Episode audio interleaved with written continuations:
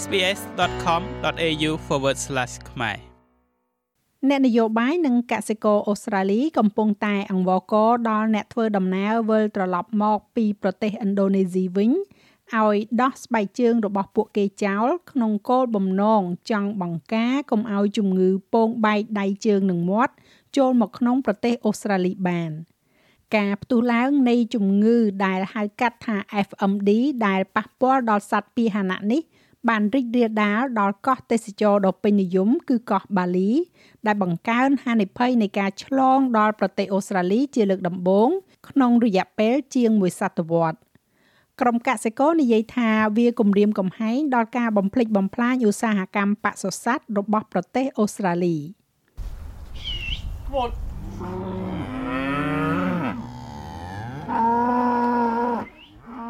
ជាថ្ងៃដ៏មមាញឹកមួយទៀតសម្រាប់ Mala និង Calgary នៅលើកសិដ្ឋានចិញ្ចឹមគោយកទឹកដោះរបស់ពួកគេ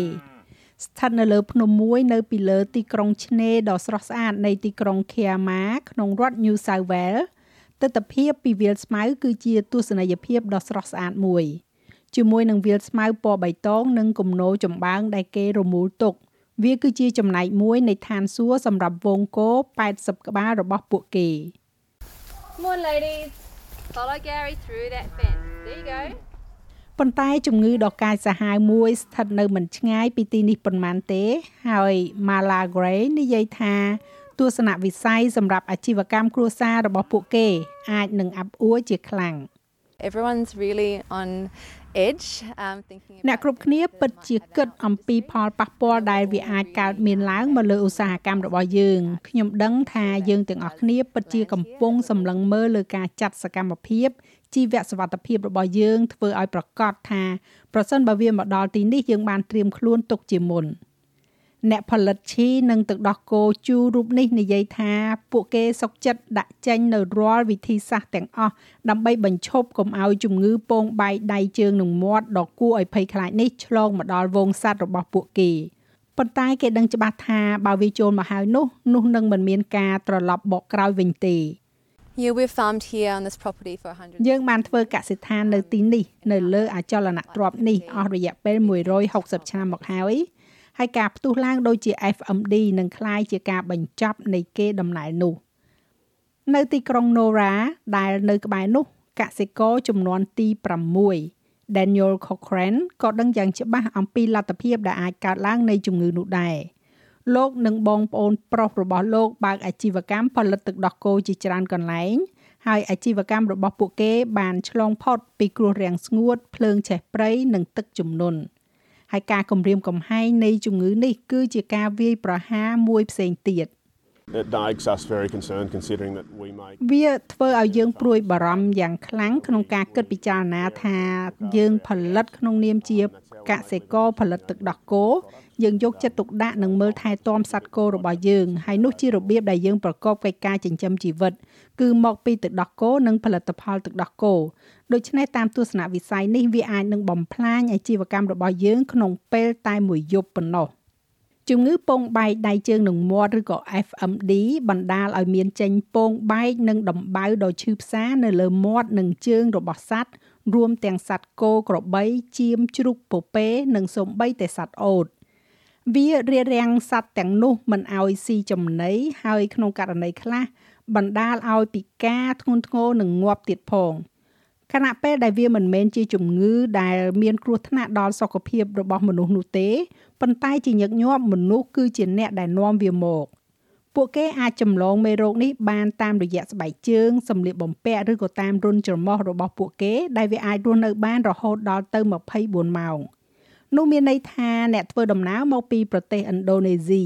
អាចនាំយក FMD ចូលមកក្នុងប្រទេសនេះដោយអចេតនាលោកវិជ្ជបណ្ឌិត Mark Chip ប្រធានផ្នែកបសុពេទ្យរបស់ប្រទេសអូស្ត្រាលីពន្យល់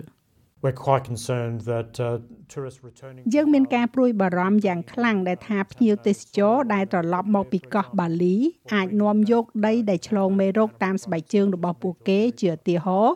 ឬក៏នាំយកផលិតផលសត្វដែលមានមេរោគដូចជាសាច់សត្វឬក៏ផលិតផលទឹកដោះគោត្រឡប់មកវិញ រដ្ឋាភិបាលសហព័ន្ធបានដាក់ចេញនូវយុទ្ធនាការផ្សព្វផ្សាយតាមវីដេអូនៅលើយន្តហោះដែលត្រឡប់មកពីប្រទេសឥណ្ឌូនេស៊ីវិញនិងនៅតាមអាកាសយានដ្ឋាន។គេក៏បានបង្កើនវិធានការជីវសុវត្ថិភាពនៅកន្លែងមកដល់រួមទាំងការបង្កើនចំនួនមន្ត្រី និងសត្វឆ្កែដែលកំពុងតែយាមល្បាតប៉ុន្តែវាមិនគ្រប់គ្រាន់នោះទេនេះបើតាមអ្នកនាំពាក្យក្រសួងកសិកម្មរបស់គណៈបកប្រឆាំងសហព័ន្ធគឺលោក David Little Proud លោកកំពុងអំពាវនាវឲ្យអនុវត្តការលាងសម្អាតជើងដោយសារធាតុគីមីសម្រាប់មេរោគនៅប្រលានយន្តហោះ So look, we welcome the fact that government is playing video. យើងស្វាគមន៍ចំពោះការពិតដែលថារដ្ឋាភិបាលកំពុងចាក់វីដេអូនៅលើយន្តហោះនិងដាក់មន្ត្រីសន្តិសុខជីវសុវត្ថិភាពនៅលើយន្តហោះប៉ុន្តែជាអកុសលនៅតែមានក្រុមជើងខ្លាំងដែលមិនប្រកាសឬប្រកាសមិនពិតដូច្នេះហើយបានជាអ្នកត្រូវប្រកាសថាអ្នកធ្វើការបំពេញបន្ថែមរបស់អ្នកជាមួយនឹងការលាងជើងបែបនេះ។ រហូតមកទល់នឹងពេលនេះរដ្ឋាភិបាលបានចានចោលនៅគំនិតនេះដោយលើកហេតុផលថាការលាងជើងគឺមិនអាចអនុវត្តបាននិងអាចបង្កគ្រោះថ្នាក់ដល់ស្បែកផ្ទុយទៅវិញលោក Paul Tool អភិបាលរដ្ឋរងនៃរដ្ឋ New South Wales មានប្រសាសន៍ថាអ្នកធ្វើដំណើរគួរតែពិចារណាដោះស្បែកជើងរបស់ពួកគេបោះចោលទាំងអស់គ្នា For those people that are returning សម្រាប់អ្នកដែលនឹងត្រឡប់មកវិញវាប្រហែលជារឿងងាយងាយដូចជា បោះស្បែកជើងផ្ទាត់ទាំងអស់នោះចោលហើយពាក់ស្បែកជើងមួយគូថ្មីនៅពេលអ្នកមកដល់អ្នកមិនចង់ធ្វើជាអ្នកនាំ FMD ត្រឡប់មកប្រទេសនេះវិញនោះទេមានការប៉ាន់ប្រមាណថាមានសត្វជាង330,000ក្បាលបានឆ្លងនៅក្នុងខេត្តចំនួន21របស់ឥណ្ឌូនេស៊ីរួមទាំងកោះបាលីផងដែរកាលពីថ្ងៃពុធគណៈប្រតិភូអូស្ត្រាលីរួមទាំងរដ្ឋមន្ត្រីក្រសួងកសិកម្មសហព័ន្ធ លោក Murray Watt និងប្រធានបសុពេទ្យលោក Mark Chip បានទៅដល់ប្រទេសឥណ្ឌូនេស៊ីដើម្បីវិតម្លៃស្ថានភាពនេះលោកវិជ្ជបណ្ឌិត Chip មានប្រសាសន៍បន្ថែមទៀត The purpose is to meet uh, with Indonesian counterparts. គោលបំណងគឺ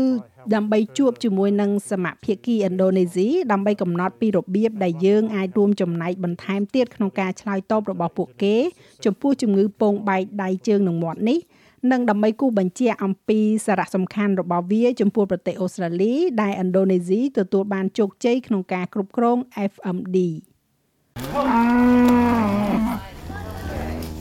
ប្រសិនបើមេរោគនេះឆ្លងដែនមកដល់ប្រទេសអូស្ត្រាលីមែននោះកសិករទូទាំងប្រទេសអាចនឹងត្រូវបង្ខំឲ្យសម្លាប់វងសត្វរបស់ពួកគេចោលពាណិជ្ជកម្មក្នុងស្រុកអាចនឹងត្រូវបានរឹតបន្តឹងហើយកសិដ្ឋានទាំងមូលត្រូវបានបិទ។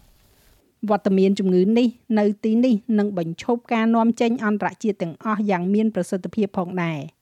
ដោយសារតែ70%នៃកសិផលរបស់ប្រទេសអូស្ត្រាលីត្រូវបាននាំចេញដូច្នេះការចំណាយនៃការផ្ទុះឡើងនៃ FMD ជាសក្តានុពលត្រូវបានគេព្យាករណ៍ថានឹងកើនឡើងដល់ទៅ80ពាន់លានដុល្លារ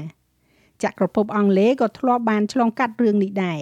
ក្នុងឆ្នាំ2001កសិករនៅទីនោះត្រូវបានគេបង្ខំឲ្យសម្លាប់សត្វពាហនៈចំនួន6លានក្បាលបន្ទាប់ពីការផ្ទុះឡើងនៃជំងឺដ៏ធំមួយដែលបានបំផ្លាញសេដ្ឋកិច្ចប្រទេសនេះអស់13,000លានដុល្លារ They will also develop vesicles or between their claws and get quite បសុពេទ្យនៅ Nora លោក Andrew Havachia និយាយថានោះគឺជាចំណែកមួយនៃការខូចខាតដែលអាចកើតឡើងបាននៅទីនេះ។ ជាពិសេសប្រសិនបើមេរោគនេះកិច្ចចូលទៅក្នុងព្រៃ It would be just catastrophic to វានឹងជាគ្រោះមហន្តរាយសម្រាប់ពួកយើង បញ្ហាដ៏ធំបំផុតនៅក្នុងប្រទេសអូស្ត្រាលី គឺវាជាកន្លែងដ៏ធំមួយហើយមានសត្វផ្សេងទៀតសត្វជ្រូកយើងនៅមានសត្វព្រៃជាច្រើនដូចជាសត្វក្តាន់ហើយប្រសិនបើវាចូលទៅក្នុងចំណោមសត្វទាំងនោះយើងប្រហែលជាមិនអាចសំបីតែអាចកម្ចាត់វាបាន ហើយនោះគឺជាការភ័យខ្លាចដ៏ធំបំផុតរបស់យើង។ មានការដាស់តឿនដល់អ្នកដំណើរដែលត្រូវមានការប្រុងប្រយ័ត្នខ្ពស់ដើម្បីបញ្ឈប់ការភ័យខ្លាចទាំងអស់នេះកុំឲ្យខ្លាចទៅជាការពិតចាស់ហើយរបាយការណ៍នេះចងក្រងឡើងដោយ Amelia Dunn សម្រាប់ SBS News និងប្រាយសម្រួលសម្រាប់ការផ្សាយរបស់ SBS ខ្មែរដោយនាងខ្ញុំហៃសុផារ៉ានីចូលចិត្តអ្វីដែលអ្នកស្ដាប់នេះទេ Subscribe SBS ខ្មែរនៅលើ Podcast Player ដែលលោកអ្នកចូលចិត្ត